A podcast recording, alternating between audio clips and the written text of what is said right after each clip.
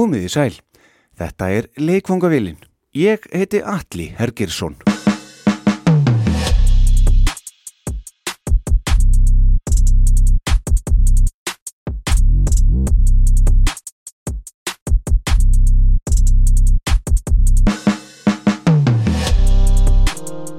Við höldum áfram með Jónsmessu röðina og nú er það svo ellefta sem við setjum í gang. Í Jónsmessu nr. 6 kom Jón Agnar með skóglápið og í dag er svona nokkus konar framhald af þeim þætti. Við ætlum að kíkja saman á tónlistarstefnu sem fekk heitið Draumapopp eða Dreampop. Þessi stefna á ættir sínarar rekja til Breitlandsega eins og svo margar aðrarendar og eru þau förðumörg böndin sem hafa framið þessa tegund af tónlist. Við heyrum nokkur vel valin tóndæmi í þættinum. Þætti sem var eiginlega óvartsamt líka eiginlegt framhald af síðasta þætti þegar við tókum fyrir kvennratir. Það eru nefnilega stelpunnar sem eru nokkuð fyrirferðamiklar í dag líkt og síðast. Það er svo Böttvæsir Bútvar, hinn létti og jafnframt tjekneski sem býður þér upp á leikvangavillina. Góða skemmtun!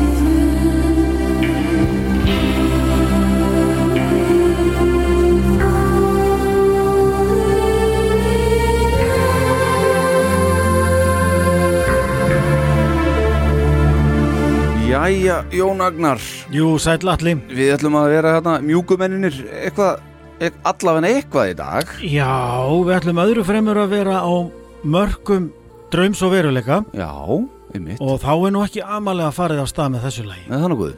Nei, þetta fórst þér vel úr hendi. Þetta er mjög vel valið lag til þess að gefa tónin fyrir það sem við ætlum að tala um í kvöld. Já, draumapopp Draumapopp, Þetta er Jónsmessa nummer 11 heldur betur. Já, verður velkomin. Hjartans þakkir Og uh, þetta er Julie Cruz sem við hérna heyrum uh, flytja þetta lag sem hún samti mm -hmm, Þetta er ódöðlega lag Já, algjörlega og við ætlum aðeins að fjalla um hana og þetta lag hérna bara eftir örskamastund mm -hmm. En fyrst langar við bara að svona, ég kem að þessu, en fyrst langar við bara aðeins að heyra svona, hvernig hefur það? Ég hef það framúskarandi gott, minn kæri Er það ekki? Ójú. Það er stutt sem við tókum upp síðast. Já, það er reynsli á okkur núna Það það er það. Hér verður ekki messufall maður Við ætlum að klára þessa tólf þætti fyrir jól Já, og það skal og við sáum hérna glöfu og við bara kildum á hérna strax. Yes, sir. Vika séðan við gerðum þetta síðast. Það er ekki nema vika Eitthvað svo leiðis. Það er eitthvað svo leis Já. Það ætti, þetta gleðja söfnuðin Já, ég held það ennblað. Ég heldur betur. Mikið búið að byggja um þetta ennblað. Að vera að gera hans meira. Já. Við erum að svara því. Herðu, draumapopp. Málið er það að þarna kemur þú svolítið að tómu kofunum hjá mér. Já, ok Ég hef ekki eh, verið að sökva mér onni þessa tónlistastefnu. Nei, Ég þurfti svolítið að fara á internetið og svona skoða svona, ok, draumapopp. Ég svona, ég, einhver lög kom upp í hugan ám og hérna, eh, ég ætla nú að spila eitt og eftir til dæmis eh, íslenskt sem ég finnst passin í þetta. Gott mál Og svo nú annað sem að ég, fór nefnilega inn á einhverja, síðu þar sem að ég gætt uh, lesið svona yfir uh, svona þær hljómsveitir og uh, listamenn sem hafa náð eitthvað langt í þessum geira. Akkurat. Og þá langar mig svolítið að lesa upp fyrir nokkur hljómsveitunum Já, og uh, ég held að þú getur haft svolítið gaman að þessu. Og hver veitnum að þú takir eitthvað fyrir af þessum hljómsveitum eða tónlistarfólki sem að ég ætla að lesa hér upp? Já, sjáum til. Heyru nú tenginguna þess á milli hérna í þessu öll saman? Ám. Við ætlum að byrja á hljómsveit sem heitir Morabeza Tobacco. Nei, ég hef bara aldrei minnst á þetta. Uh, þá skulum við fara í Tobacco City. Ekki heldur þá skulum við fara í Cigarettes After Sex. Já, það þekki ég. Ok. Bubble Tea and Cigarettes? Nei, Nei. Tokyo Tea Room? Nei. Uh, svo er hérna Art Schoolfriend og Girl in Red og þá erum við að tala um Strawberry Milk Club og Strawberry Guy. Art School Friend eh, þekki ég svona örlítið. Ok, uh, Johnny Goth og Goth Babe? Nei, nei, þetta er sem sikkur aðilinn. Já, Herru, svo komum við að hérna risa hérna seksjón í þessu maður. Það er Dream Girl, nei. Það er Dream Ivory. Það er Juno Dream. Það er Dreams We've Had. Það er Dream Lake. Gap Dream. Dream.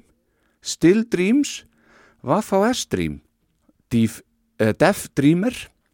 Dream Puzzles.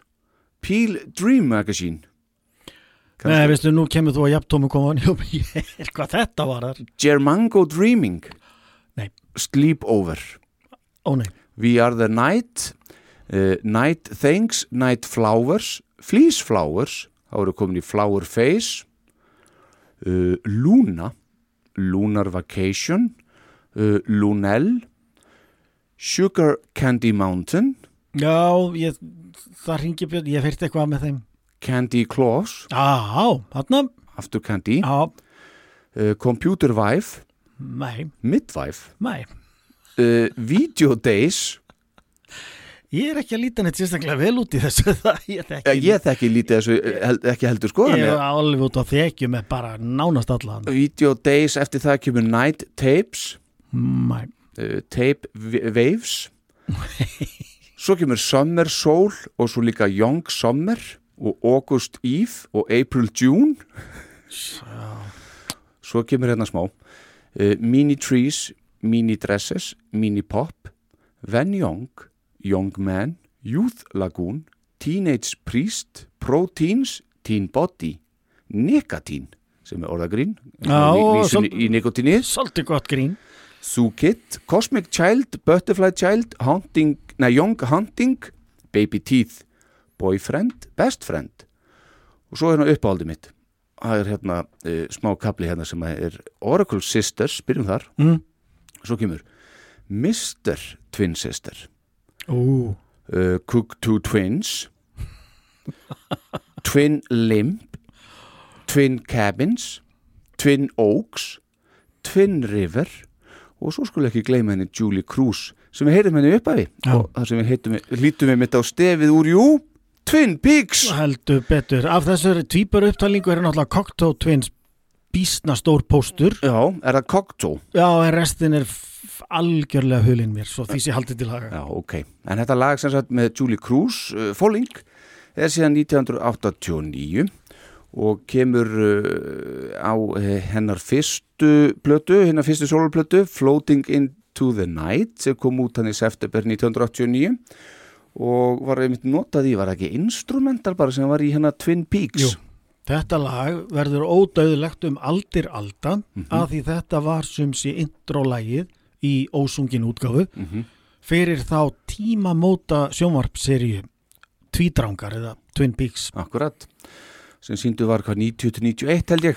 Já, fyrsta sísonið Já, og Julie Cruz, hún uh, var fætt 1. desember 1956, hún lest 9. júni 2022, 65 ára gömul. Já, blessunin, hún hérna Var eitthvað mikið veik, eitthvað bólgur og eitthvað. já, hún þjáðist af því sem heitir sko rauðir úlfar eða, eða er oft kallað líka lupus Já, já, er svona frekar illvígur og, og ill meðhöndlanlegur oft á tíðum, svona sjálfsofnæmi sjúkdómur akkurat. hún, var, hún þjáðist af honum og, og hvort það var afleðing af eða bara meðfram og líka þjáðist af þunglindi Mhm. þannig að hún hún sko hún kvatti þennan heim að fúsum og frjálsum vilja skulum við segja Mm. þetta var svona það sem heitir á, upp á enskuna assisted suicide, hún sérst fekk aðstofið að Já, var það? já og að viðstöttum manninu mennar sem Lík, líknar döiði eitthvað svolítið, já, já, svona einhvern veginn þannig sko. Mm og ég las eitthvað mann ég hérna hann leik fyrir hann að lagið Rome -hmm. með B-52s meðan hún skildi við og, og sagði eftir henni hérna eitthvað eins og farðu nú, go and roam forever Mhm. ég hef mitt álætið út af fyrir sig á mörgum plötum með B-52s Mhm. persónlega ekki kannski þessu lagi en þessu verður hver að fá ráða Já, já, og hún, hún kvatti með þessu, með þessu undir, undir, undirspilið þessa lags já. En hvað hva er að frétta af öllum þessum tengingum? Þú heyrði tengingana sem ég var að lesa upp hérna og ég gruna- bara varða að hætta eitthvað starf. Ég Já, geta haldið áfram með allt kvöld, sko. mig gruna nú og, og með allri virðingu fyrir þessum, þessum tónlistamenn sem þú taldir upp og þeirra hérna þeirra svona viðleitni til þess að gera, gera gott mót Mm að þeir einfallega bara sæki í eitthvað sem er þekkt og, og hérna mm, reynir svona að, að húka -hmm. eða, eða teika, skulum við segja stærri spámenn, þetta er daldið eins og þegar þegar Rói Höttur var vinsall pizzastæður hér, á, hér í borg og hér á landi þá opnuðu pizzastæðirnir uh, tóki munkur og gott ef ekki litli í hún líka veist, að, svona gengur það bara þú veist, já. það er, ég menna ykkur, ykkur slæri í gegn og þá þá fara allir að reyna að gera eitthvað svipað. Þetta er alþekkt úr Hollywood tiltekin tegund kvikmynda verður vinsæl og þá fara allir að gera neðanjárðar nei hérna segi ég eh, mannættu fiskamindir hverju, veist, mýgrúturinn af alls konar fiskum Mhm. sem tók að herja á, á sjóin í bíómyndum í kjálfarið á Jaws Mhm. það er alls konar það kom Akkúrat, já. barrakúta og það kom pírana og það já. kom einhver morð álamynd og nefndu Já, þetta er bara þetta bera sama brunni Já, bara ég er ekki orðið alveg eins var við akkurat þetta sko uh, svona í öðrum tónlistar stefnum bara sko nema þó kannski bara hérna á Íslandi allt sem byrjar að S eða inneldur sól, ég veit ekki. Já, hvernig með metalin það er, það til held ég svartmálmsveit sem heitir Death. Já, já, Megadeth og- Megadeth og Napalm Death. Já, já. Death er kannski alltaf augljóst orð þú veist, strákar, þetta þarf að hljóma neikvætt hjá okkur. Hvað, getur ekki unnið eitthvað með dauða? grjótartnafn verður ekki harðara? Ekki mikið. Nei, já, jú, örgla En svo sá ég líka þarna inn á þessu listum sem ég var að skoða Það eru nú alltaf líka svona bönd sem að eru kannski ekki beint þekkt fyrir að vera í svona drauma poppi en eiga sín lög. Já, þetta, er nú- Cranberries sem dæmi. Já, já, já, já, já. Já, og sko, nú má vel vera að margir hafi það sem afir þessum þætti klóra sér í höfðunni við því hvað er draumapopp? Kvotum með það. Draumapopp er náskild stefna við uh, skóglápið sem við tókum nú fyrir í þætti í síðustu serju eða shoegaze. Einmitt. Það er að segja að það eru svona dálítið letilega fluttur söngur oft, það er sem er svona lengdum öllum atkvæðum dálítið mikið, það er ekki verið að skulum segja Nína Hagen er ekki af því hún heggur sín orð út úr sér eins og hún sé að spýta við út úr, út úr tætara eða eitthvað svo leys. Mhm. við erum með mikið af svona hérna hvað er maður að segja, mikið af effektum á gítarnum til þess að þykja hljómynd aldrei vel Eins og við heyrðum á hann eins og við heyrðum á það, mikið lósköp Mhm. uh, hljóðvekkurinn markfræði Wall of Sound, hann er oft í staðar öll, Mhm. öll hljóð þarinn bara sett upp til þess að búa til nógu mikla holskeplega fljóði Mhm. munurinn kannski sem aðgrinni draumapopp frá skóglápinu eða shoegaze er fyrst og fremst sá að það er ekki sama svona bjögunin og, og urgið og surgið og, og kannski háfaði Já, þetta er ekki jafn háfaða söm stefna og sjúgeysið en þó svo náskild að stundum er plata með tilteknum listamanni sem inniheldur auðveðlega fjögur svona lög, það er að segja draumapopp og annað eins fjögur fimm lög sem kannski fari yfir grensun og yfir í sjúgeys ef þú vilt vera svona reyntrúa maður sem ert með stig, reglustikun á lofti að flokka þetta sko. Einmitt. þetta sko að mála lýsa þessu sem að bönd sem er á þessu rófi þau eru eitthvað staðar á, á jafnliða ferning, eða ferning það sem hornin heita draumapopp og svo shoegaze og svo psychedeli eða svona syrupoprock og svo kannski bara eitthvað hreinræktað og heiðalegt svona indie poprock Mhm. Það er svolítið sekadelja í, í þessu draumapoppi ofta tíðum. mjög. Já, en bara í hvað hlutföllum þetta er, þetta er aldrei mismunandi á milli ljónsveita, þannig að hvar sko næst hvaða hortni á ferningum eitthvað band staðsetur sig. Já. Eins og, eh, eins og þetta veri koktel Mhm. sem inniheldur þessi fjögur innihaldsefni en hljónsveitinnar blanda sína drikki með mismiklu af hverju einu. Sumir eru mikið í sækadelíunni bara dass af einhverju draumapoppi mikið sjúgeis og smá svona indie og svo öfugt og svo bara á alla mögulega vegu. En þetta er, þetta er pínu svona það er smá svona ofta tíðum uh, hvað var að segja? Ég veit ekki, mér langar að kalla þetta svona sé smá krút í þessu snundum mjög oft. Já, uh, það kannski helgast til að því að því maður fyrir ósjálfrátt bara í huganum, í undir meðutundinni að bera þetta saman við sjúgeis, mm -hmm. að því þetta er að mörguleiti mjög áþægt en að því það er ekki hávæð, þetta er svona aðgengilegra, það er ekki þessi bjögun og sörg sko, þá er þetta mót, maður er, hefum að segja, fleiri eru örgulega móttækilegir fyrir því sem í daglegu tali kallað Dream Pop myndur þú flokka eins og til dæmis með Bloody Valentine myndur þú flokka það sem Já, eða, eða, já. dream pop? Nei, klárlega sjúgeis Já, einmitt, af því að sko ég, þeir urðu svolítið mikið á vegi mínum í, í mínu surfi á netinu bara Já, fyrir, já. þú veist, það er margir sem vilja flokka mörg lög með þeim allavega Já, innan, og- innan Dream Pop. Já, og það er það er, það er engin að fara að rífast yfir því þannig laga. Nei, nei, Þeir eru svona indie rock sveit sem venjulega spilar daldi háaða samt og bjagað shoegaze en eiga klárlega draumapopp lög inn á milli. Og svo er bara, þú veist ég leik bara þess að ganni í dag ég er svona, voru að fara yfir sumar af plötunum sem ég ákvað að týna til eitthvað lög af og þau dúkku, þessar plötu segi ég þær dúkkuðu ímist upp á listum yfir bestu Dream Pop eða bestu akkurat Og sama hljómsveitin er að detta inn kannski með eina plötu hér Mhm. aðra plötu á hinu listanum eða skörunin er býstna mikið latna á, milli. Já. Við getum bara summerat upp þannig ef það er bjögun í hljómnum í gítarnum og, og smá háfaði þá er þetta líklegast shoegaze. Mhm, Við erum að, þetta er svona mildari útgáfa, þetta er, þetta er yin á móti yang. já, akkurat. Þetta er, þetta er fyrir ömmu. Já og bara alla sem, sko, alla sem kunna, ég myndi segja gott að meta. Hlustar á, á Dream Pop heima? Helling. Já, er Hell, bestu hljómsveitirnar helling sko, já, og hef bara gert býstna lengi. Já. Án þess endilega að gera mig grein fyrir því að nú ætla ég nú að fá mig smá hérna draumapopp í kroppin sko. það er ekki, nei. ekki, fyrir, ekki fyrir en sko setna, það er ein ákveðin hljómsveit sem við tökum til kostan á eftir. Mhm. og það var nú í tengslu við hana sem ég heyrði þetta hugtak fyrst. Ok, það var ekki sem fundið upp í kringum hana. Nei, talsvert fyrr, Mhm. en ég hafði ekki heyrt áður. En talsveit fyrir, þetta er upp úr 90 það ekki í sem, Englandi? Jú, sem svona allt einhvern veginn kristallast og kemur saman Mhm. og eitt af grundvalla verkum stefnunar kemur einmitt út þá. Já, ok. Og er það Og- eitthvað sem við förum í og eftir? heldur betur, við sleppum Ok. ekki svo stórum pósti. Nei. Herðu, ég er bara spenntur að heyra hvað ég fáum að heyra mikið af Dream og Twins hjá þér í dag.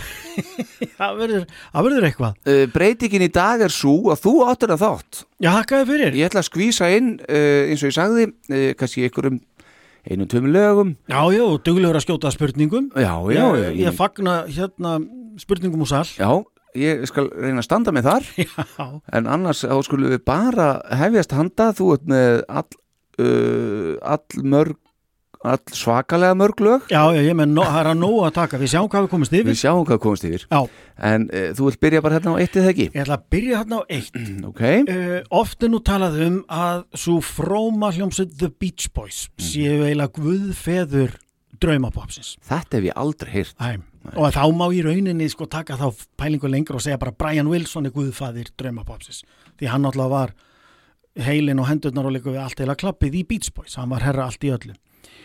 Þeir gáfu sig aldrei út fyrir að vera eitthvað skona draumapop enda þú veist, langt í að húttakið er þið bara yfirleitt til. Akkurat, en mm, flestum ber nú samt saman um það. Þegar Beach Boys gefa út eina svona setni tíma hérna plötónu sínum og eru orðni svona, svona svolítið tilraunakendir þetta er 1970 plata sem heitir Sunflower, þar er að finna lag sem margi vilja meina að sé fyrsta lagið sem hafi flest grundvallar enginni draumapopsins til að bera.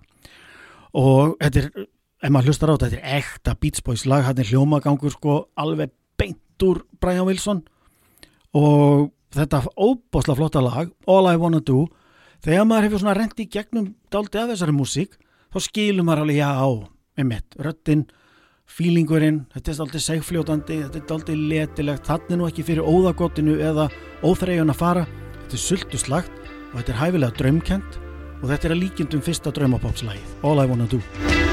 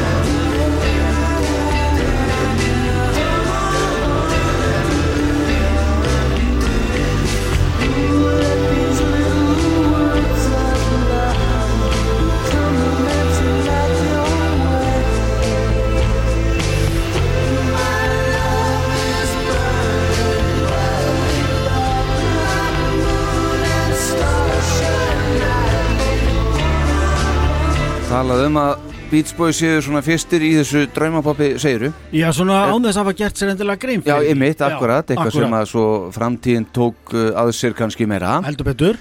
Eh, er þetta svona einkerandi lag fyrir það sem þú talar um? Já, þetta hefur margt til þess að bera. Já, Það, þetta er allavega svona einhvers konar prototýpa af því sem koma skildi mhm, Mér finnst þetta drulluflott lag persónulega. Já, og Brian Wilson var náttúrulega algjörlega óvið jafnælegu snillingur sko. Mhm. Það var ekki út í bláin að Bob Dylan saði hægt að taka tón er að Brian Wilson að setja á Smithsonian safni já, ég mitt, akkurat En hann er nú ekki allur Nei, nei, nei, nei, Nei, nei, akkurat en uh, núna verð ég svo fastur í öllum þessum nöfnum og þessari súpu sem var að tala um að náðan og við komum nú hann að nokkur flowers nöfnum inn og Já. þessi plata heitir nú Sunflower Hanna sérðu, þannig að þetta er nú kemur eitthvað stað frá allt saman vel má vera að þarna sé tótning gefin. ég, ég segi það Já, já. Herðu, mjög gott og, og svona eftir þetta, þetta er 1970, er eitthvað svona, veist, eitthvað stuttu eftir þetta fyrst þér sem að... Nei, í Nei. rauninni ekki. Þarna er bara einhverjum fræjum sáð í fortíðinni Mhm. og restin af sjöunni er e, eiginlega undilöð af alls konar öðru. Mhm. Við fáum náttúrulega svona yðnaðar, gallaböksna rokk hérna snemma í sjöunni. Við fáum náttúrulega pöngið um miðja sjöuna. Við fáum síðan disko sem ansvara við því upp að, vissu marki sko. Þetta er ekki fyrir en líður inn í áttuna Já, sem þessi fræ byrja að spýra eitthvað aftur sko. ok. Sjöan að öðru leiti sem er sumpart aldrei merkilegt sko því að sérstaklega þegar hafðir í huga hvernig sumt svona diskóskoti pop var hljóðblandað. Maður skildi að það hefði verið sóknafæri til þess að henda í alveg dundrandi drauma pop sko en Já. það var einhvern veginn engin á akkurat þeim buksunum. Það var alltaf einhver diskotaktur að trubla eða Það er eitthvað tíðarandi bara. eitthvað svoleiðis. Já. Hvað ertu með næstur okkur? Ég er hérna með frumherja sem því miður eru allt og fáheyrðir. Mm Þetta er duett sem kalla sig, eins og þetta væri mannsnafn, A.R. Kane og þetta er svona orðaleikur ímyndaði mér. Ég flettið upp að ganni en hverki fundin eitt um það en þetta er eins og orðaleikur uh, að því þetta myndar uh, lýsingar, enska lýsingar orðið arcane sem er reynda að skrifa með sé A.R. Kane er með kái Já. arcane því bara furðulegt eða skrítið Já, og það á alveg vel við því þeir félagar hérna Alex Ajuli og Rudi Tambala voru á skjön við tíðarandan á hennu merkilega frjóa tímabili sem setnipartur áttunar er þegar er henni synthesizer, nýromantíkin og það dótar í er heilt yfir búið að ganga sér til húðar ja, öll stæstu böndin eiginlega bara horfin á við tveðrana Mhm. þá eru í London þessi tveir töffarar kalla sig A.R. Kane og eru á daldi merkilegu hérna útgáfu merki sem heitir 4AD og það er nú daldi fyndið sko og þó ekki að þessir frumherjar, þið gafu tvær stóra plötur 88 og 89, I eða bara I og 69 69 þeir eru samt sem að þekktastir fyrir allt annað en sína eigin tónlist. Hann er laga því að uh, Guðfaðir eða æðstiprestur 480 útgáfumerkisins, Ivo Watts Russell hann sá þessa hæfileika pilta þú veist fyrir, já, sá í þeim möguleika til þess að gera eitthvað annað. Svo hann kifti þeim tveimur einhverjum DJ, einhverjum pródúser og einhverjum tveimur sem ég mann nú ekki alveg hverju voru. Þetta var sex manna kombo í það heila sem var uh, kallað Mars og þeir gáfu út alveg svakalegan alheim smell 87 lag sem heitir Pump Up the Volume og er svona einhvers konar prototípu elektrodans lag. Þetta er kannski svona það sem þeir eru þekktasti fyrir en þeir gáðu út magna plötur sem eru, þú veist, tormeldar það er alltaf að gera, sko og þeir eru með svinga á milli draumapops og uh, psykadelju og sjúgeis líka.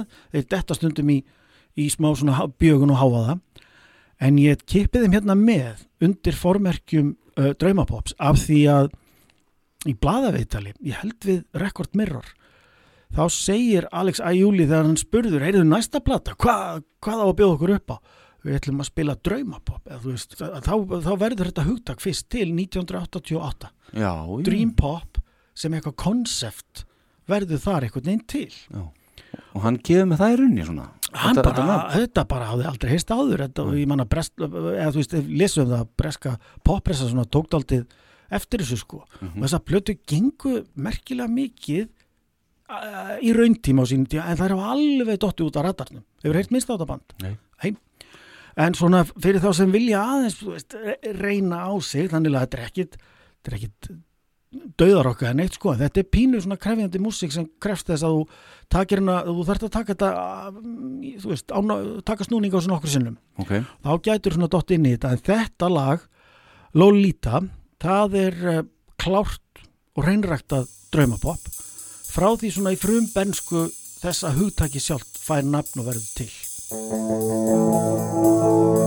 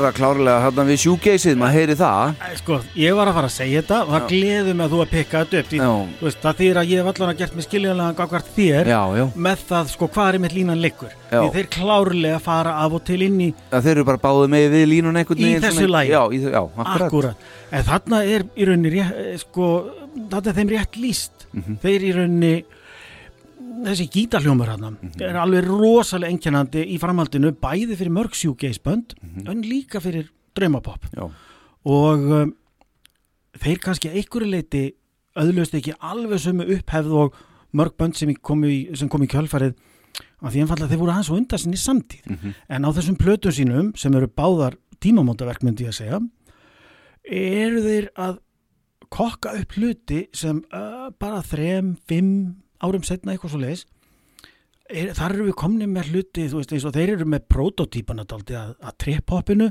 Mhm. sem átti eftir að tröllriða öllu snemma í nýjunni og svona ambient dub tónlist sem var ofbáslega vinsa líka svona 93-4 Mhm. þannig að A-Arcane eða Arcane Mhm.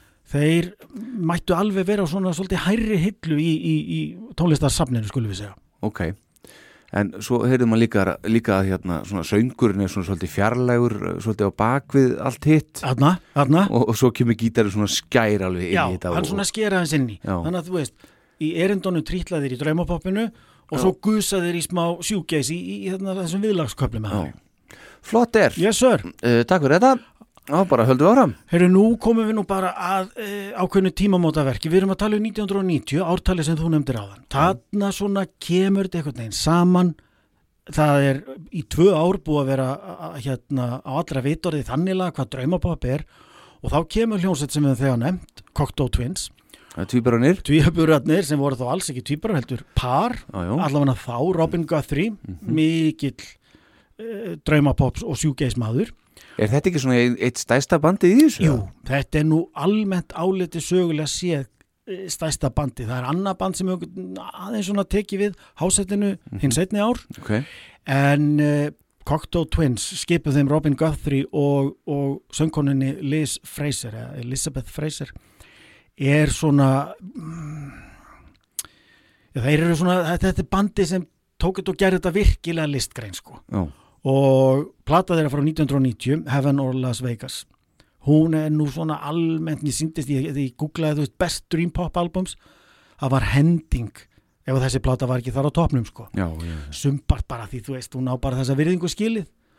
Og þetta er aldeilis frábær plata sko. Hún er alveg svakalega flott. Þarna, þarna þú veist sjást öll einkennin skína hreinlega í gegn Af, af drauma af poppinu draumapoppinu, þetta er nánast svona fullkomin draumapopp plata sko. Mhm. tímalust meistaraverk ólíkt félagunum í A.R.Kane sem ekki kannski hafa fengið að njóta einhvern að segja ávaksta fræðar sinnar þannig lagað sko. Um, þá er Cocteau Twins afskaplega hátt skrifuð á sínu sviði. Þannig að uh, því er allan ekki að heilsa þar að þau, þú veist, maður hugsaði ekki með sér þau mættu nú, ekki það, þau mættu kannski vera ennþá stærri uh, af bandi sem er náttúrulega hætt núna og allt það en, en þau er allan vel virt sko og vel þekkt og svo leis og sem fyrir segir, platan Heaven or Las Vegas er almennt svona álitin toppurinn á allan að þessu tímabilu í hérna draumapoppinu þegar það er svona raunverulega galveniserast og það hefði verið hægt að bera niður hvar sem er á þessari plötu, hún er upp full af úrvalskóðum lögum en ég ætla að velja kannski sumpart fyrir sjónulega Cherry Colored Funk, að svaka fínt lag og þarna pínu heyrum við svipaðan gítargang eins og var í laginu á undan og ég er afskaplega einkennandi í mörgum lögum fyrir þessa stefnu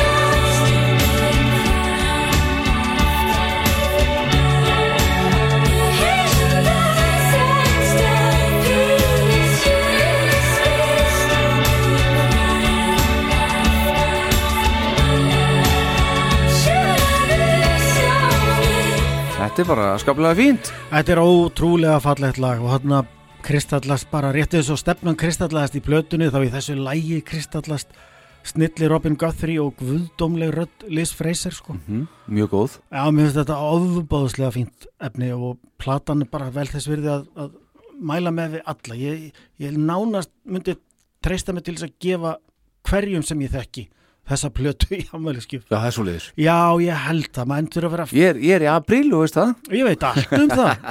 Og var ég nú ekki fyrsta skipti sem ég gefið góða músík? Nei, Nei, nei, ekki, aldeilis ekki. Nei, nei, Herðu, mjög gott. Já, uh, Svolítið hérna gott líka því að ég er allir ástu alveg rétt. Og næst uh, ætla þú að ég ætla að fá að skvíla þessu hérna. Þú ætlar að hérna lefa okkar heyri Massi Star Jú, jú, og ég tók einmitt eftir líka sko í nöfnunum öllum þá er svolítið, við vorum nú að heyra reyndar lag rétt á þannig að blötu sem heitir Heaven or Las Vegas. Og Heaven er svolítið í þessu líka. Og Astronaut Moon mm Star. Já, já, og Massi Star er sem sagt næst heldur betur. Og út af fyrir sig ekkit skríti að hugur leit til, leiti til himna þegar draumapopp er annars vega einhvern veginn virðist það rökrétt sko. Uh, Massi Star, já, þetta er já, ég hugsaði nú með mig þegar ég var að raða saman inn að lista þetta er nörgla lag sem allir kannast við. Ok, hvað sem hérna allir öðru líður en þetta ekki á prenti en við skulum svo sjá. Já, þetta var hérna mann ég í eh, svona undir lok mentaskólaferils míns þá hérna var þetta rosa vinsælt. Það svona gáttu allir í partíunum saminast um þetta. Ok, þú veist, það voru ekki allir fyrir uh, gruggið sko og, og það voru ekki allir fyrir funkrocki sem var líka allsrandi en einhvern veginn gáttu allir fælt sig við þetta þetta er cozy, segfljótandi balla með Massi Star sem er Kaliforníu sveit, stopnuð 88 með þau David Roback og söngkonuna Hope Sandoval uh, fremsta í flokki. Þetta var monster hittari á MTV það vissi engin hvaða band þetta var en einhvern veginn gáttu allir felt sig við þetta lag svo það fikk alltaf meir og meir í spilun. Það var svona, þetta lag nöyt sígandi lukku eins og maður segir. og platan fór að seljast sem þetta lag er á So Tonight That I, Might See. Hún fór að selja svona hægt og róli í kjölfarið og tveimur árum eftir útgáfu slær hún í platinusölu í bandaríkjónum já, og þetta er nú held ég lang frægasta vinsælasta og bara hæst skrifaða lag þessarar annars alveg ágættu sveita sko. En þetta er svona krútlegt hægfljótandi og draumkent pop á algjörlega heima á þessum lista. Og þetta var svona með held ég stærri lögum árið 1993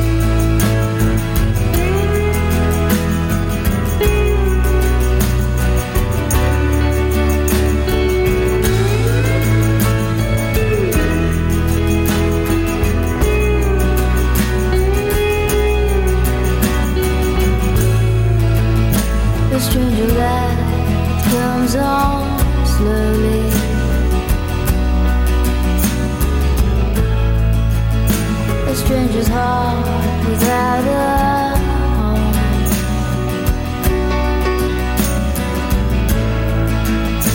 You put your head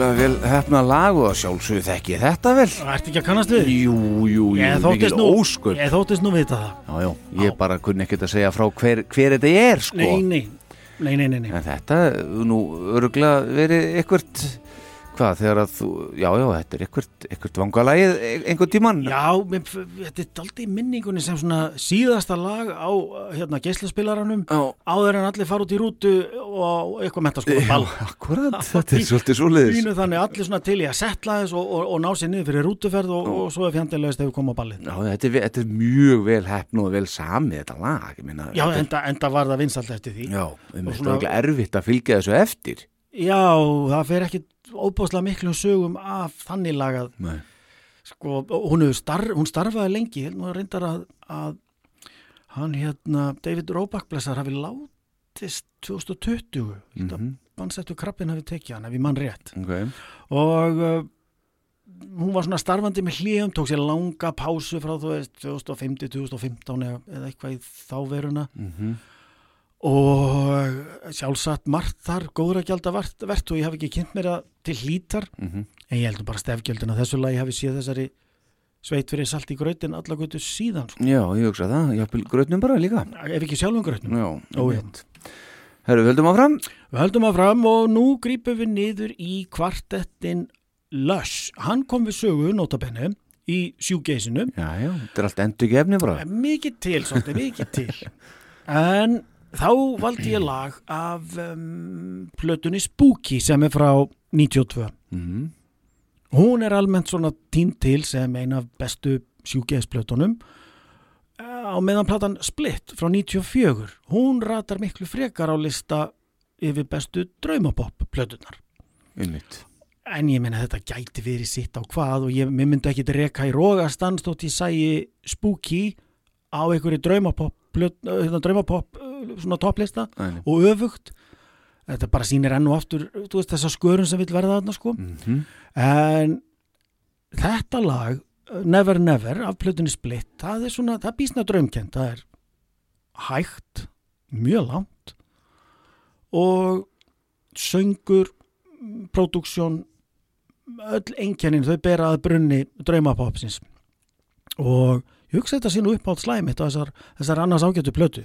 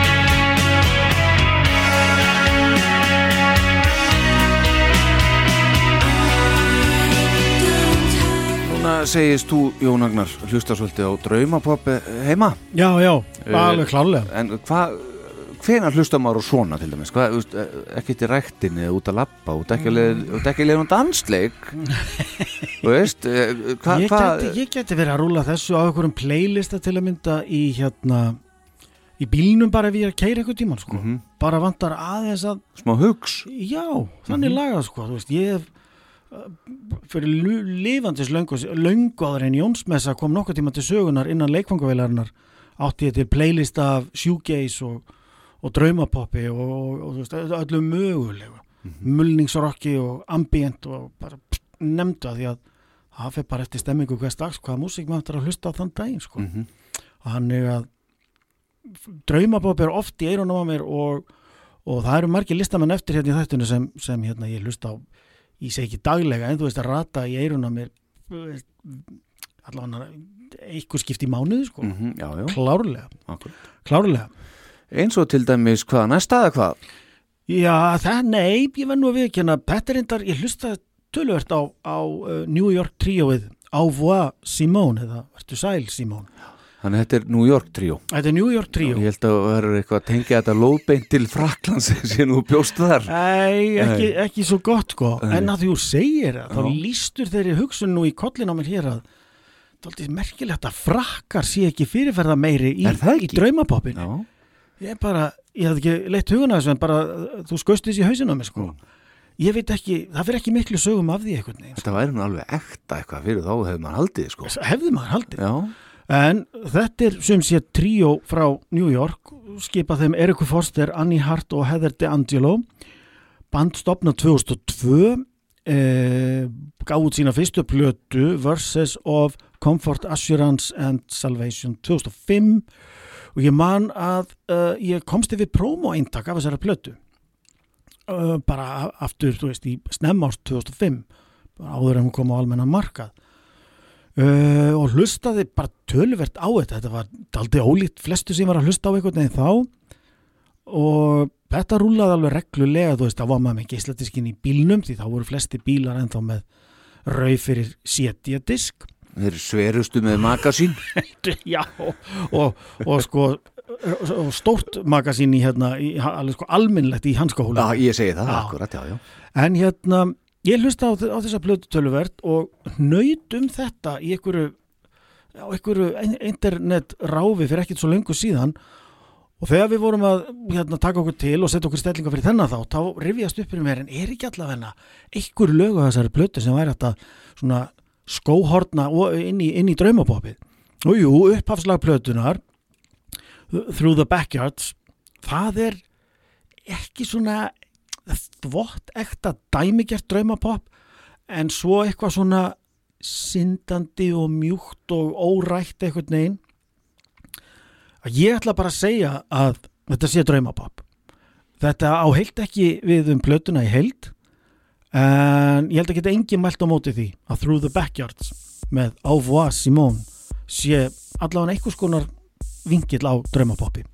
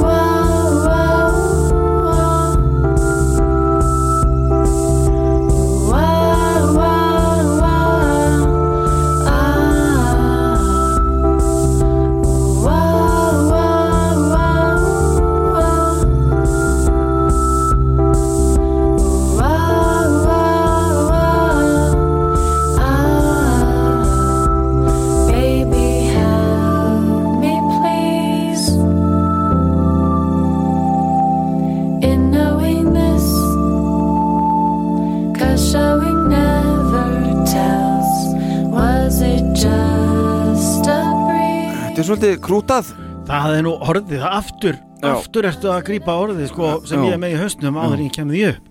Ég var að hugsa sko, ofbóðslega þetta nú átt að smetla inn í sko krút kynnslóða tímabili hérna heima Einmitt. þegar Múm og, og Leilo og, og allt það góða fólk tröll reyð öllu sundur og saman sko. Flott að Leilu hefði tekið cover að þessu maður það held ég að hún hefði farið frábælega með það það bara, bara liggur algjörlega um uppi já Herðu, mjög gott, Já. þú skóhornar þessu inn eins og Ég sagðir, gerði það, ég já, gerði já, það. Já, já, hann má alveg hérna færa rauk fyrir þessu á, uh, Næsta lag næst förum við náttúrulega bara aftur beint í miðjuna á skífunni Ok, Hér er komin sem sagt aftur Robin Guthrie, helmingur og svona kannski heili í Cocteau Twins. Hann gaf út plötu árið 2009 sem mér fannst alltaf fara glæpsamlega látt með að við konu fín. Vel má vera hérna heima hafi fólk bara verið upptekið við að lemja búsahöld niður á Östuvelli á því herrans árið 2009 en hann gefur sem sé út plötu sem heitir Carousel og hún er nánast einhvers konar sko skapalón að ekta drauma poppi nema hún er ósungin, þetta er instrumental plata. Já, já. Hún er svo indal og svo ljúf að það er engu lægi líkt ég var lengst að velja lag af þessari plötu til þess að setja á listan því þau eru öll alveg hreint, þau eru bara indisleg Og af hverju valdur þetta? Ég veit það bara ekki, ég, veginn, ég held ég að veila svona fyrst byrja að hlusta þetta og svo, já ég en þetta lag er frábært, ó að við gleymum ekki þessu, það er ekki ekki. En ég fó bara heila ring og endaði bara á læginu sem ég byrjaði á. Og það, var- það á enginn að verða svikin af læginu Some Sort of, of Paradise, það er alveg gullfallegt og Robin Guthrie hljómurinn, hann er þarna alveg eins og þetta veri skilgreining í orðabók, svona.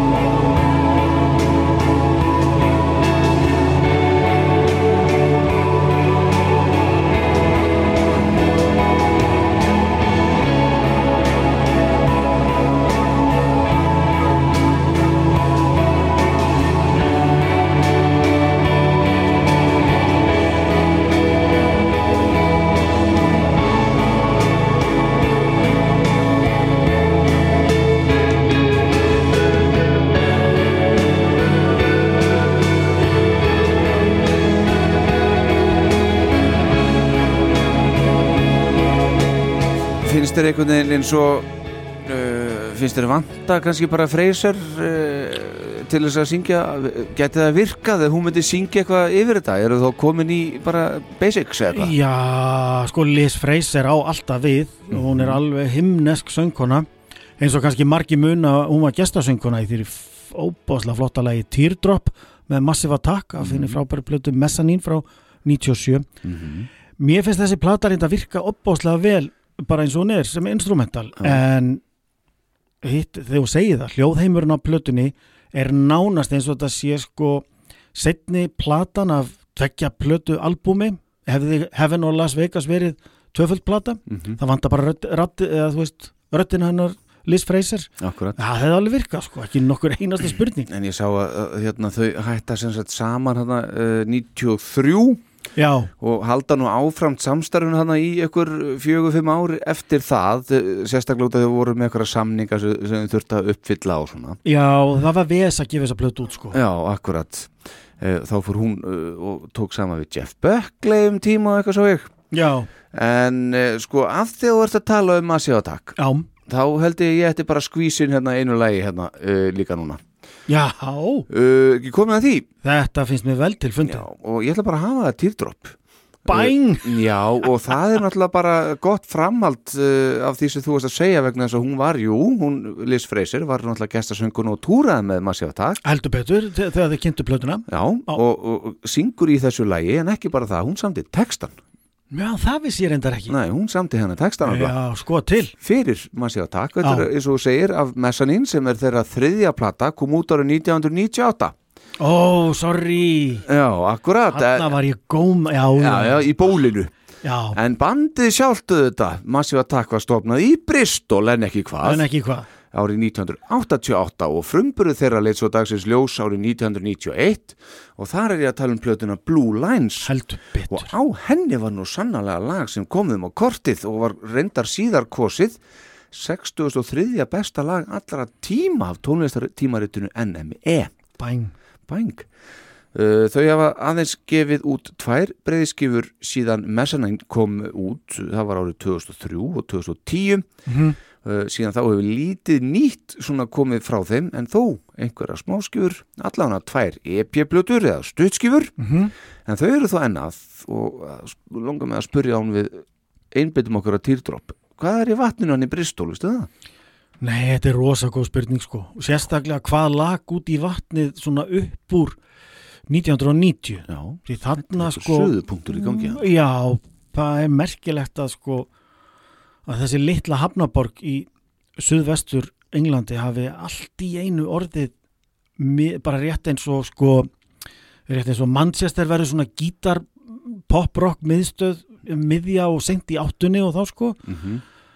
og, og náttúrulega hard rock í Seattle þú veist, en, en þarna verður eitthvað til þess að, að þrjú langstæstu nöfnin í hennu svo kalla í hennu uh, hérna, já, svo kalla trip-hop gera Mhm.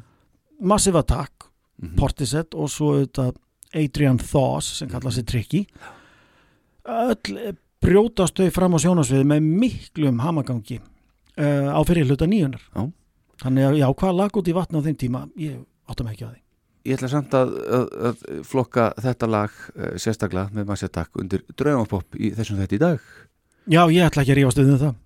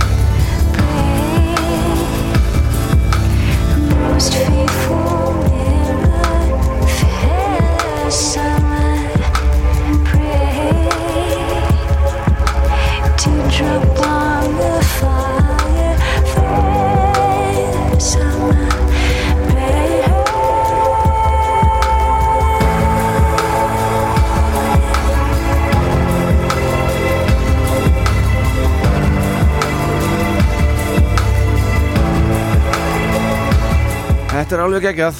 Þetta er alveg geggjalag Já, maður takk. Og uh, Liz Fraser Heldur og betur. með text eftir hana líka.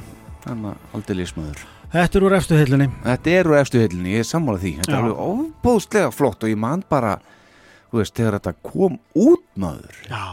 Jöfull fannst mér þetta töff Já, þessi plata er bara sem kemur út 1998 Jú. það er vel að merkja. Já, já, akkurat. Og hún er alveg ég rífst ekki við neitt mann sem segir að þetta sé besta plata Massive Attack Nei, akkurat. Þeir eiga alveg geggjaða plötur heilt yfir. Já, og meðal annars að því ég var nú að tala um þetta lag hérna, á- eða þessa plötu þarna uh, áðan sem þetta Blue Lines. Já, Heyrðu þetta hérna? Fyrir þá sem kannski voru að velta fyrir hvað lag vorum að tala um Já. sko, hérna.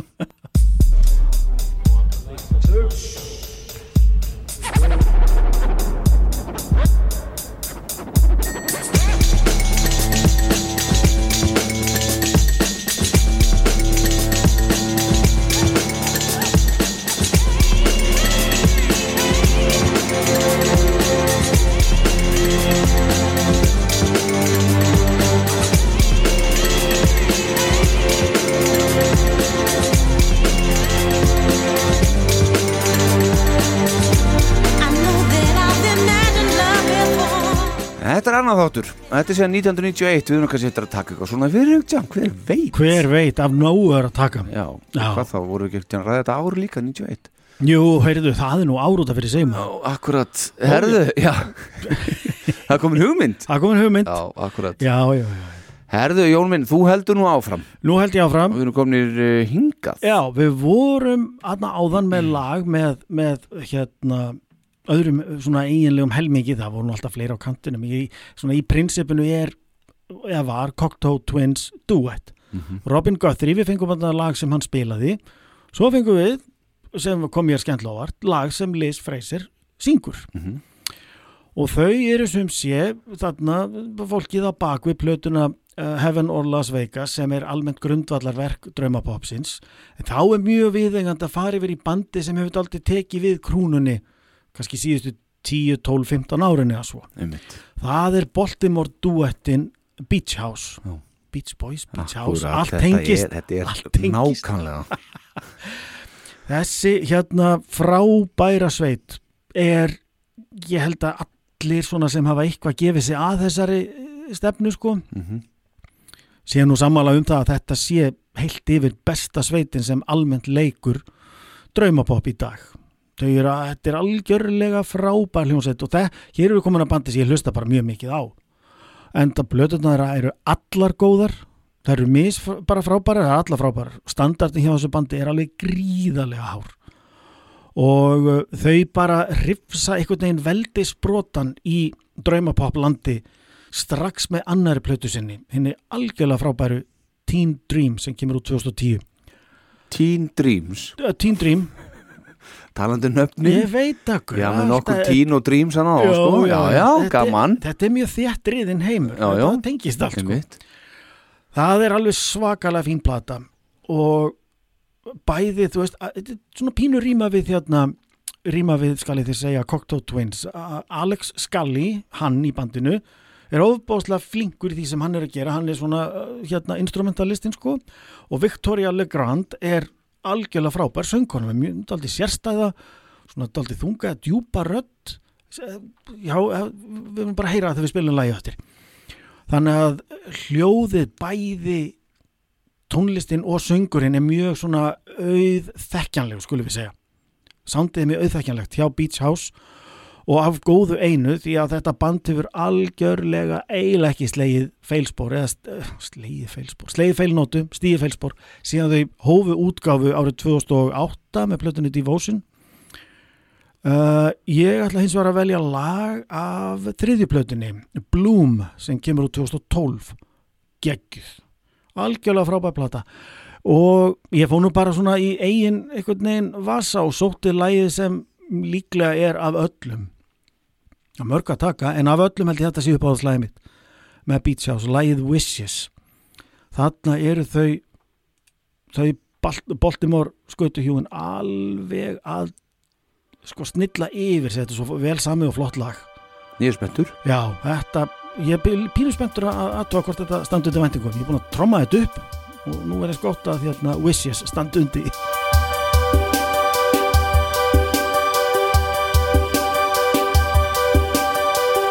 know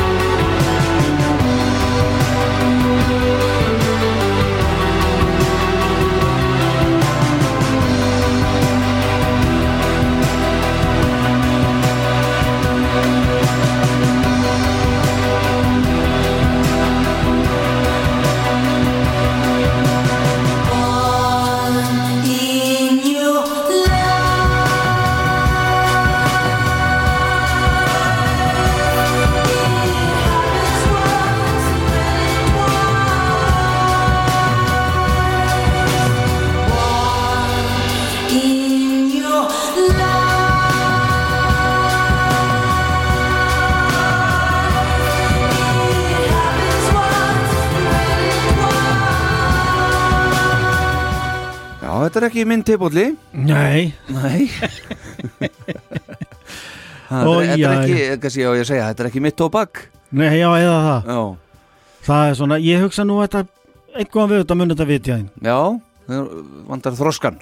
Ég segi það nú Nei, ekki það er mín orð Ég segi það nú ekki. En sko, mér finnst ekkert afleitt, sko, það er ekki það En þetta er ekki eitthvað sem ég myndi fara og setja á, skilur. Nei. Þetta, er- þetta er nú ekkert að gera út af þeim, ég er nú ekki þannig. Nei, nei, nei, nei, nei, nei. En hérna, já All right, en All þetta, var, þetta var tíunda hljótaðmi sem við fórum að heyra hérna eins og þetta í dag. Já, Já, akkurat. Og við vonum að hérna, við séum svona að komast eitthvað áleiðis með það að, að gefa hlustundum okkar tóndæmi, lýsandi tóndæmi um það hvað draumapopp er. Ég hugsa það, Já, ef ekki að taka nokkur viðbútt fyrir allum munni. Já, og þá bara gaman að segja frá því að, að, að næsta uh, lag inneldur orðið flower Já, heyrðu, mér, það er að rifjast eitt upp henni mér. Já, Enn einn tengingin. já, já, Í myndbandinu við lagið Wishes já með Beats House Sem vorum að hlusta á, sem já. vorum að enda að hlusta á. Já.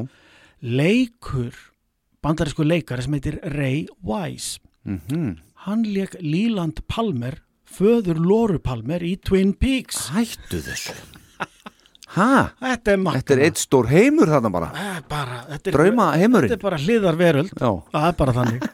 alveg rétt Heyrðu, en það er mikið rétt. En úr Beach House Já, sem að má draga frá Beach Boys Já.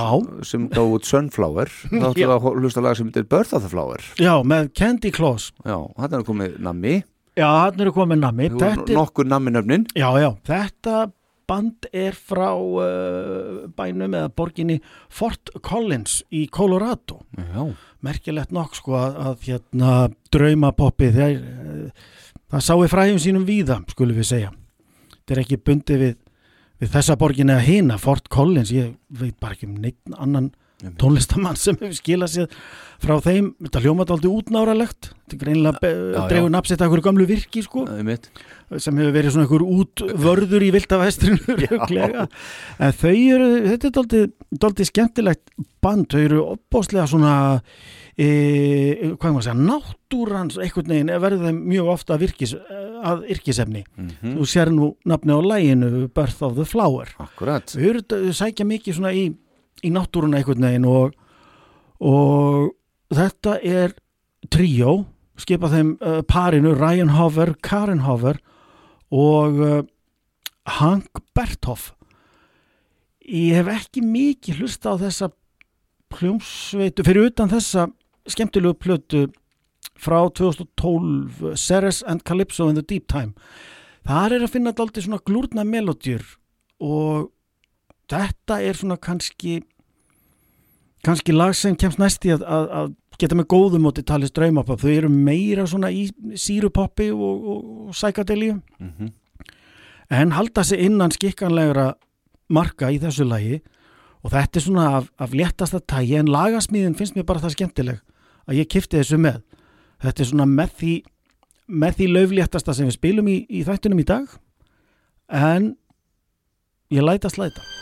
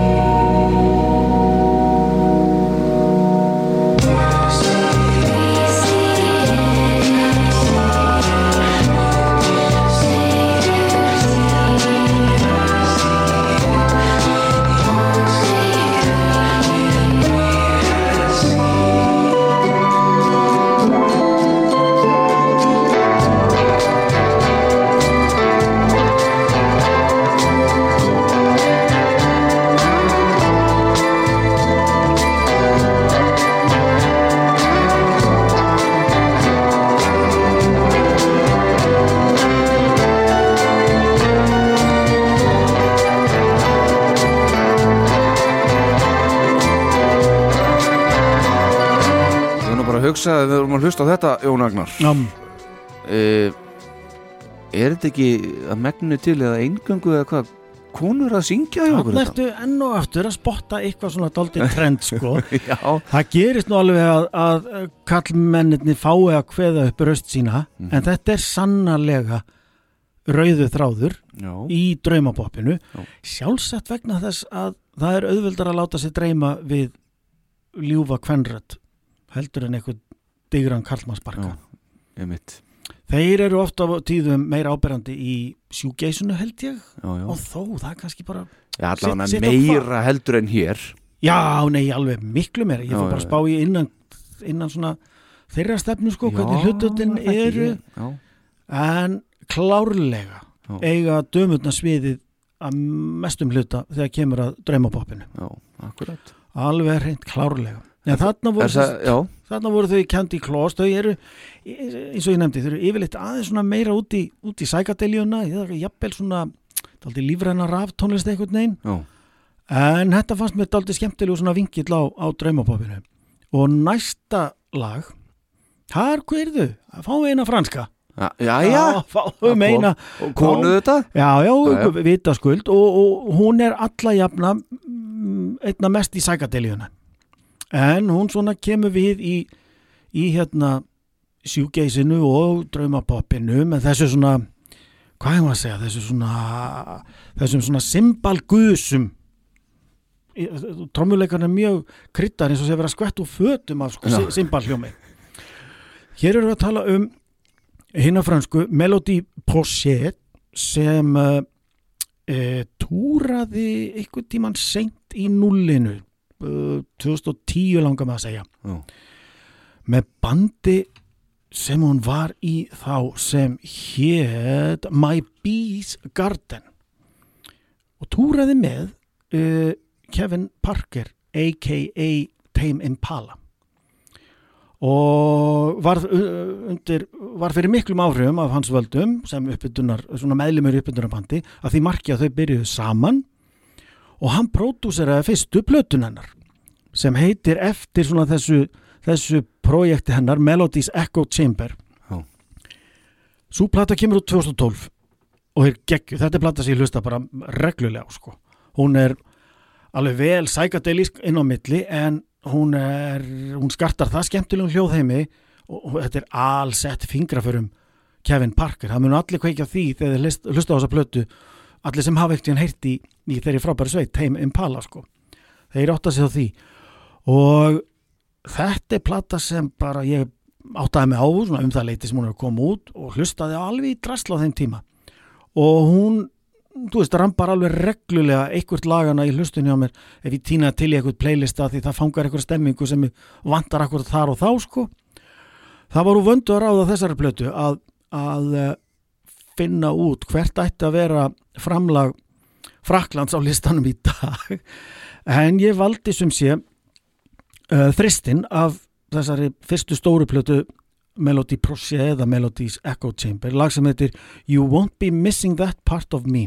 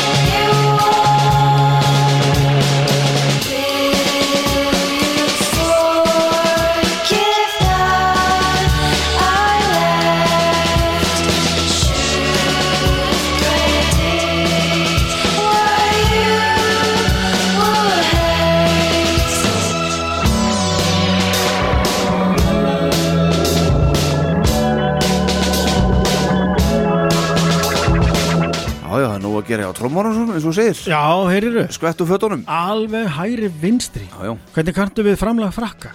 Uh, þetta er uh, sko það er ekkert ástæðlausu að ég var lítið búin að stúdera þessa, þessa tónlistastefnu þetta svona er ekki alveg ég. Nei, nei, það er hérna- gengur já, þannig hérna þetta er uh, þetta er ágætt. Þetta er ágætt, allt í lagi, Já, þannig lagað. Já, ég veit Já, þú ert hérna ennþá allavega. Ég er hérna þó, já, ég, er að íta á þess að taka þetta. Mikil ósköp, já, já. mikil ósköp. Hvað er það með næst? Heyrðu, við skulum eh, svona þingja þetta aðeins í viktinni Þetta er svona annar ángi af hérna af draumapoppi. Þetta eru aðrir Íslandsvinnir, léku hérna á, á, á Airwaves 2012 Mm. Sá ekki giggið en ég heyrði af því. Röð meðfram öllu listasafninu og bara fyrir hotn og ég veit ekki hvað og hvað. Ok, Þetta er kanadíski duettin Purity Ring.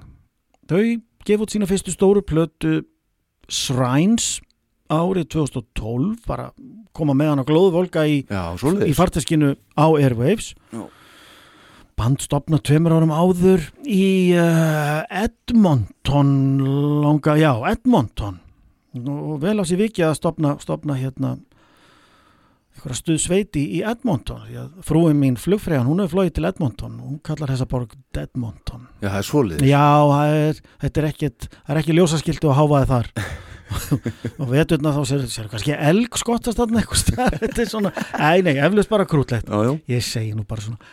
En Purity Ring komið hérna og spiluðu. Ég komst ekki á þetta gig uh, veit ekki hreinlega hvernig, hvernig það gekk en þessi plata fikk svaka fína dóma. Ok. Og mikla spilun og, og vakti svona daldið daldið hérna umtal fyrir svona pínu óhefbundna produksjón svo heyrið það þegar við spilum þetta sko þetta, er, þetta er miklu þetta er ekki jafn lífrænt og, og, og hérna hún Melody sem vorum að spila undan. Þetta er bara, þetta er bara hörð drömkend svona elektrónika og þau varu mann í svona grúskaðis ummyndaband á sínum tíma. Ég hlustaði mikið á þetta bara í rauntíma þetta var nýkomið út þessa plötu, Shrines. Þau töluðu um sko að þau reyndu dálítið það var svona sínin sem þau höfðu á, á gerðplötunar lagasmíðar og, og afgræslu, produksjón að þetta væri svona þau sáu fyrir sér hérna lítil börn upp í rúmi sem eru búin að draga sængin yfir höfuð að því það er eitthvað sem þau kunni ekki alveg skila á þarna úti. Ekki endilega eitthvað hræðilegt en eitthvað svona órætt og ókunnugt og, og þá betra bara að draga, draga sængin upp yfir haus. Þannig að ég veit ekki hvort þetta þá ekki draumapopp heldur hálfgjart martrapopp en hérna þetta er, þetta er við tökum svona smá hliðaspor eða hliðaskref skulum við kalla frá Melodies Echo Chamber. Yfir í Purity Ring af plötunni Shrines og lagið Obadier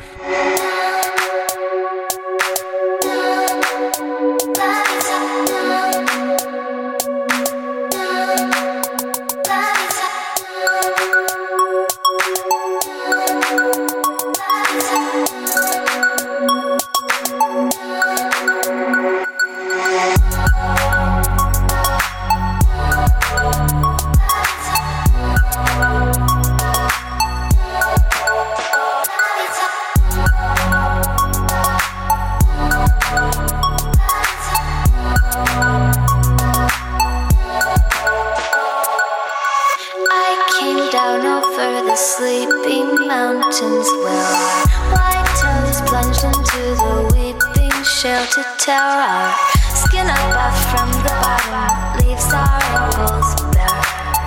Don't just wander back and forth and leave it.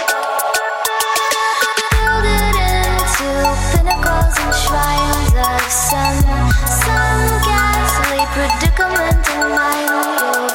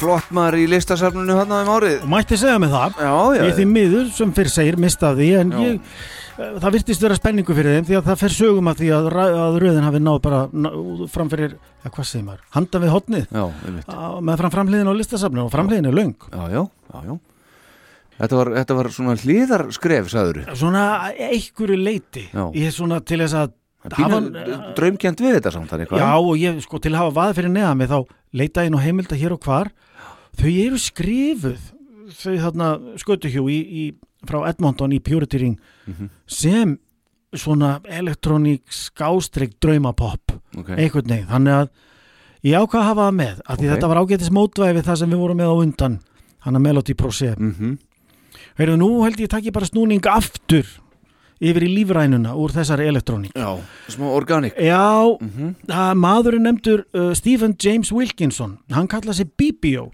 Já, hann er með allra lífrænasta móti þegar kemur á svona músík og Ok. nú fáum við vel að merkja Karlmannsrött já, Já, hann er hérna bretti ættaði frá Wolverhampton þeirri Merkuborg já, já. Og þetta er svona, þetta er svona fjölfræðingur hálfpartin að spila á öll möguleg hljóðfræði, uh, hljóðfæri. Mjög flinkur hérna ljósmyndari, tekur mikið á eins og gefur að skilja, filmu bara og, og, og framkalla sjálfur inn í ykkur kompu og hann er svona í þessum analog hljóm og afskaplega svona áþreifanlegur, hann er ekki mikið að vinna með, með hérna, autotunið eða eitthvað svoleið sko. Nei. gerir það bara býsna vel hefur gefið út nokkra alveg frábæra plötur. Ég var fyrst var þennan mann á plötunni Silver Wilkinson. Ég held að við séum enn í árunni 2012 svei mér þá. 2013 2013, já. Alveg rétt þetta er platan fyrsta sem ég uh, hafði einhverja spurnin af þessu manni. Ég hef hlusta talsvert á hann híðan og þaðan síðan. En þarna erum við með svona við förum eiginlega hitt hotnið á draumapoppinu eftir að verið að hlusta á Purity Ring. Þá förum við það, þetta er svona, þetta er eiginlega sikkur megin á rófinu sem við getum kallað draumapopp kallkinsrödd lífrænt en, en það er svona, þú veist gangurinn í, í, í, í laglínun og þar fram til göttunum hljóðheimurinn mikið til þetta er klárt draumapopp í mínum huga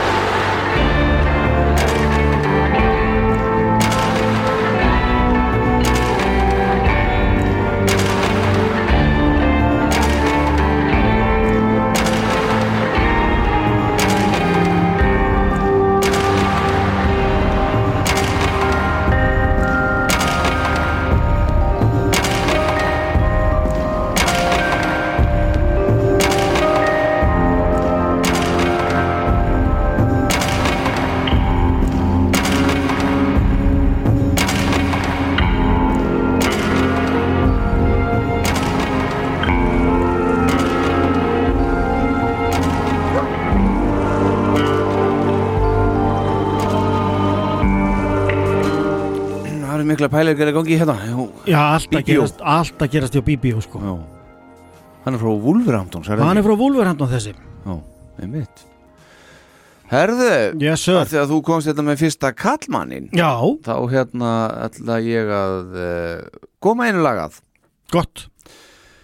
Sko, eh, þú hlustar nei, þú hugsar um hérna dream Mhm, pop mhm. og hlust, hugsar um eitthvað uh, íslenskt Já, uh, tekur kannski Sigur og Sútur í Svega uh, ég sá að Sólei var ekstra líka á okkur listum undir dream pop Hva, Mhm. hvað er íslenskt dream Sko, pop?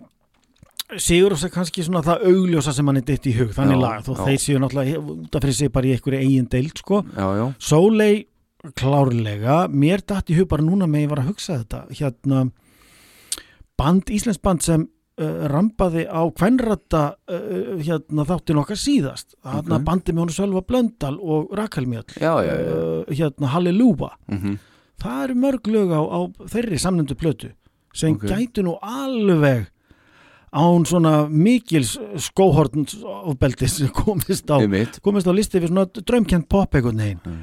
En ekkert annað svona jú, sem að- Jú, pott, ég, ég það bara ég það bara brjóta minn með, þú, þú, heila ert, sko. þú ert on the spot, ég átta mig á því en ekkert annars sem kemur í hugan svona fljótt. Ég svona lagði höfuð þessi bleiti með þetta mm. og mér dettur ein, í hug eða sérstaklega eitt lag og það er nú kannski út af því að ég hef nú ekki hlusta neitt mikið meira á þessu hljómsveit heldur þetta eina lag. Ok, það kom út árið 2012 já, ok. Og þetta er sum sé hljómsveit sem heitir Tilbury Já, já, já, já, og þau, þeir sendu frá sér uh, plötuna Exercise uh, þetta, þetta ár 2012 og uh, þetta var í rauninni sko fyrst bara svona sóloverkefni hjá Þormóðu Dagsinni Heldur betur. Uh, hann stopnaði þetta 2010 hann er kannski betur þekktur þá sem trommelikari í hljómsveitinni Jeff Hu mm og svo einni líka til gamast maður geta hann er náttúrulega litli bróðir uh, hans hugleiks Dagssonar Jú, jú. myndateknara Já. Eh, nokkur síðar og bættist nú einhver fleiri í hópin og, og þeir skipa þessa hljómsli dag hérna einhverjir félagar. Þeir að gefi eitthvað meira út síðan þessa plötu Exercise allan að tvær plötur í viðbót og þar á eina áttalega plötu sem kom út fyrir þessu árið 2023 Já, alveg rétt.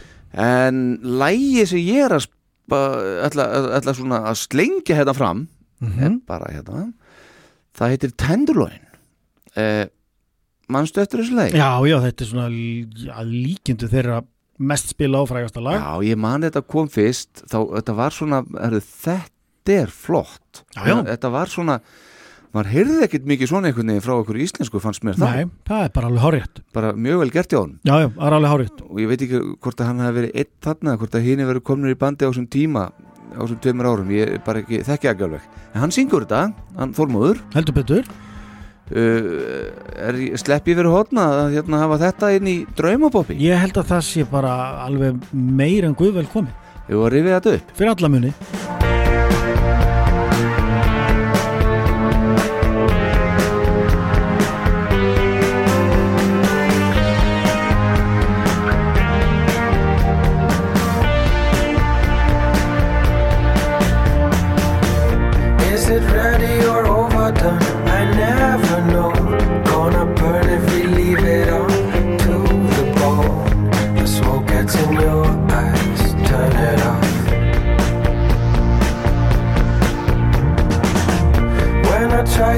eternity.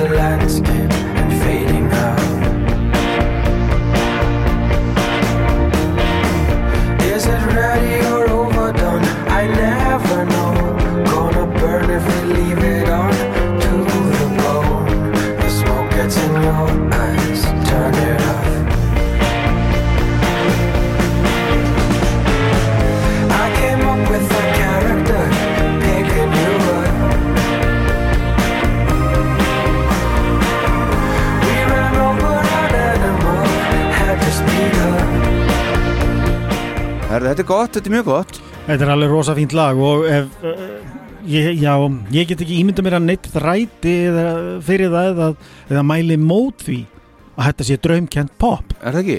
Ég held að þetta sé bara alveg ekta íslensk draumapop. Já, hann er ekki að lesa eitthvað villust í það Nei, alls ekki, alls Og- ekki. og Þetta er ekki, á, þetta er ekki á skjön við það sem við erum búin að vera að spila. Nei, akkurat, einmitt uh, og svo lefið nú hinum að skýna þess líka í þessu bandi sem heitir nú Tilbury Jú, þá eru þetta uh, auk Þormós Dagssonar, Kristinn Evertsson Örn Eldjátt uh, Guðmundur Óskar og svo Magnús Tryggvason Eliasson trommari já, úr hérna datarata, Moses Hightower. Mikið rétt. já, einmitt og hérna, svo sá ég líka með vorum hlusta á þetta að þetta verkefni hjá Þormóði hétt áður en að Tilbury nafni kom til Já, þá kallaði hann þetta formaður dagsbrúnar hann skoti gott nafn það er þetta bísna gott, að því hann er nú Dagsson.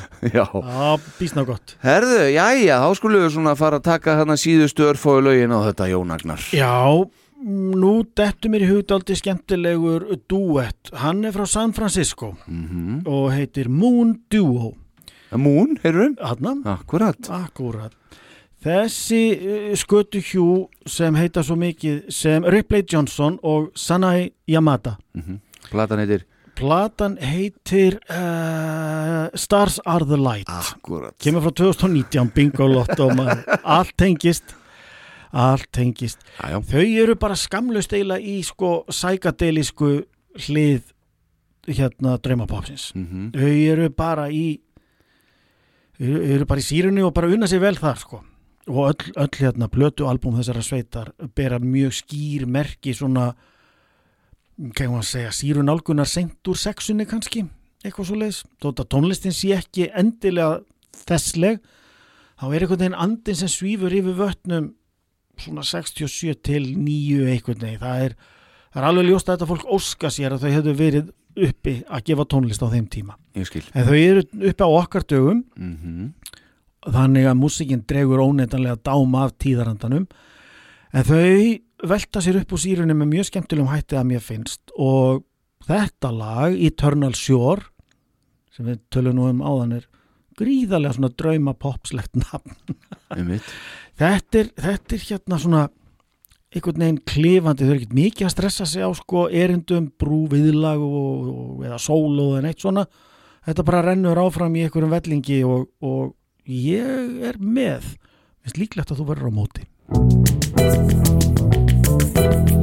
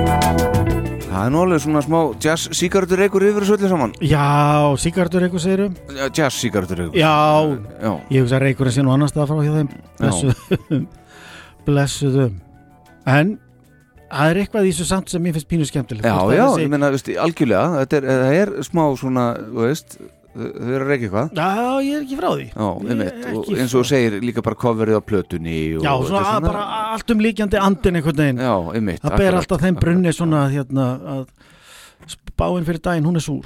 Já, já, ég, og ég er alveg búin að heyra verið þetta í dag sko. Þannig ég skal alveg vera með þér hérna. Við þykir leitt að hafa reynd á þig els, elsku vinn Nei, þetta er leið Jeps, heyrðu En hva, hvaðan voru þessi séru? Þau eru frá San Francisco. San Francisco Þessi plata gæti verið frá ýmsum tímum en hún er gefin út 2019 Já, við mitt Stars are the light og lagið var Eternal Shore. Já Hva, en núna er eins og þetta á Spotify er þetta band með 85.000 hlustendur á mánuði. Já, Hva, hvar finnur þú þetta? ég bara að róta. Ég, sko, ég, oft, veist sko, nú er, nú er hérna mm, þessi fítus að búa til eitthvað skonar sko, hvað er maður að segja, að nýta aftan við playlista, þú býr til lista með fimm lögum, átta lögum, tíu lögum og leifir svo algríminu, að- hvort sem þú ert að nota Spotify eða Apple Music að bæta aftan við. Stundum nýtur um eitthvað rosa gott og annað er bara eitthvað dótar í sem þú fílar ekki og, og flegir þar að leiðandi bara í tunnuna með það sama. Mm -hmm. þetta band nöyt ég um sko við það að búa til hérna Að leifa Apple þá að henda Já, já, þannig að þetta er, þetta er grams. Þetta er ekki eitthvað sko sem ég hef hlusta á í langan tíma. Nei. ég er nýlega búin að uppgöta þetta. Já, einmitt Ok, stór gott. Yes, heyrðu, förum í aðeins svona kannski rúðustrykar efni næst. Svona Já. hefðbundnari músík. Mm -hmm. Þetta er eitt af svona kannski, ég má segja, efnilegustu nánast svona hvernig á ég orða þetta? Hér er bara mjög svona dæmigjert draumapopp í gangi. Þetta er bara svona aðgengilegt og, og þægilegt poprock með mörgum draumapopp engjönum, svo þau smell passa í rauninni í hérna í þá, þá kreðsu þetta er tríóið Cannons þau, þau eru frá LA þetta eru sveitungar Moon Duo sem vorum að hlusta hérna rétt á aðan frá, frá Kaliforníu. Þessi eru hins vegar frá LA og bera þess nú miklu, svona öll merki. Þau eru daldið svona, svona meðvitað um að vera daldið, ég segi ekki meðvitað um að vera en þau eru ekki jafn svona sultu slök og, og sírulegin eins og, eins og Moon Duo. Mhm. og eitt af aðalsmerkjum tríósins Cannons er ákaflega seiðandi og strömlínulagaður söngur söngkonunar Michelle Joy. Þetta band er búið að skila af sig líklegast einum fjórum plötum og svo nýjasta Heartbeat Highway, hún kom bara út núna í november, bara núna Bara 2023 Yes, fyrir nokkur dögum. Já.